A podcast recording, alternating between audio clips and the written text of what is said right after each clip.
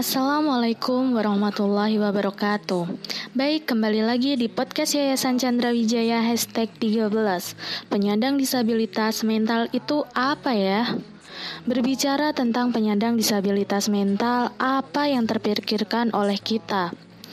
Pada umumnya orang akan bilang gila, kotor, kumal, tidak pernah mandi, ditakuti orang, atau takut dipukul.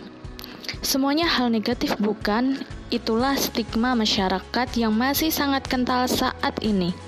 Padahal, tahukah kita jika penyandang disabilitas mental itu tidak 100% seperti stigma-stigma tadi? Ya, karena mereka bisa sembuh loh. Fungsi sosial mereka bisa dipulihkan kembali.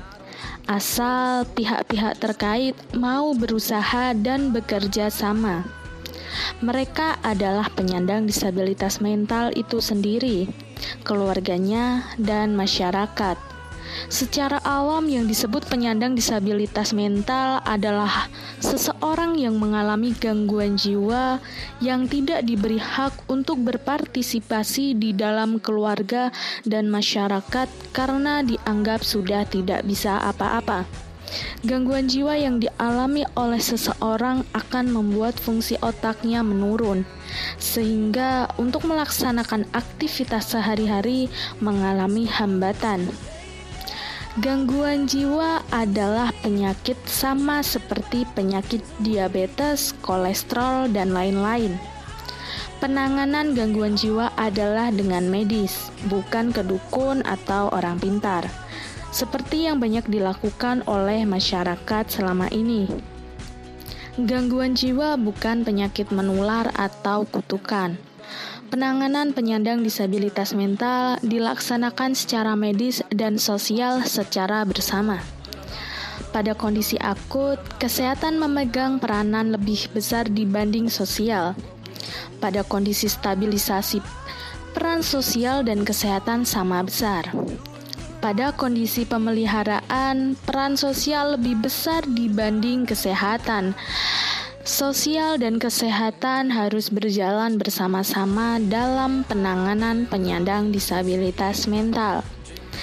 Karena yang perlu ditangani tidak hanya orang yang mengalami gangguan jiwa, tetapi juga keluarga dan masyarakat di sekitarnya.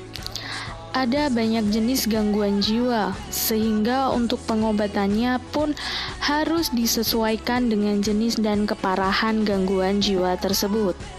Oleh karena itu, orang non-medis tidak bisa mengira-ngira obat dan dosis yang harus diberikan kepada si penderita.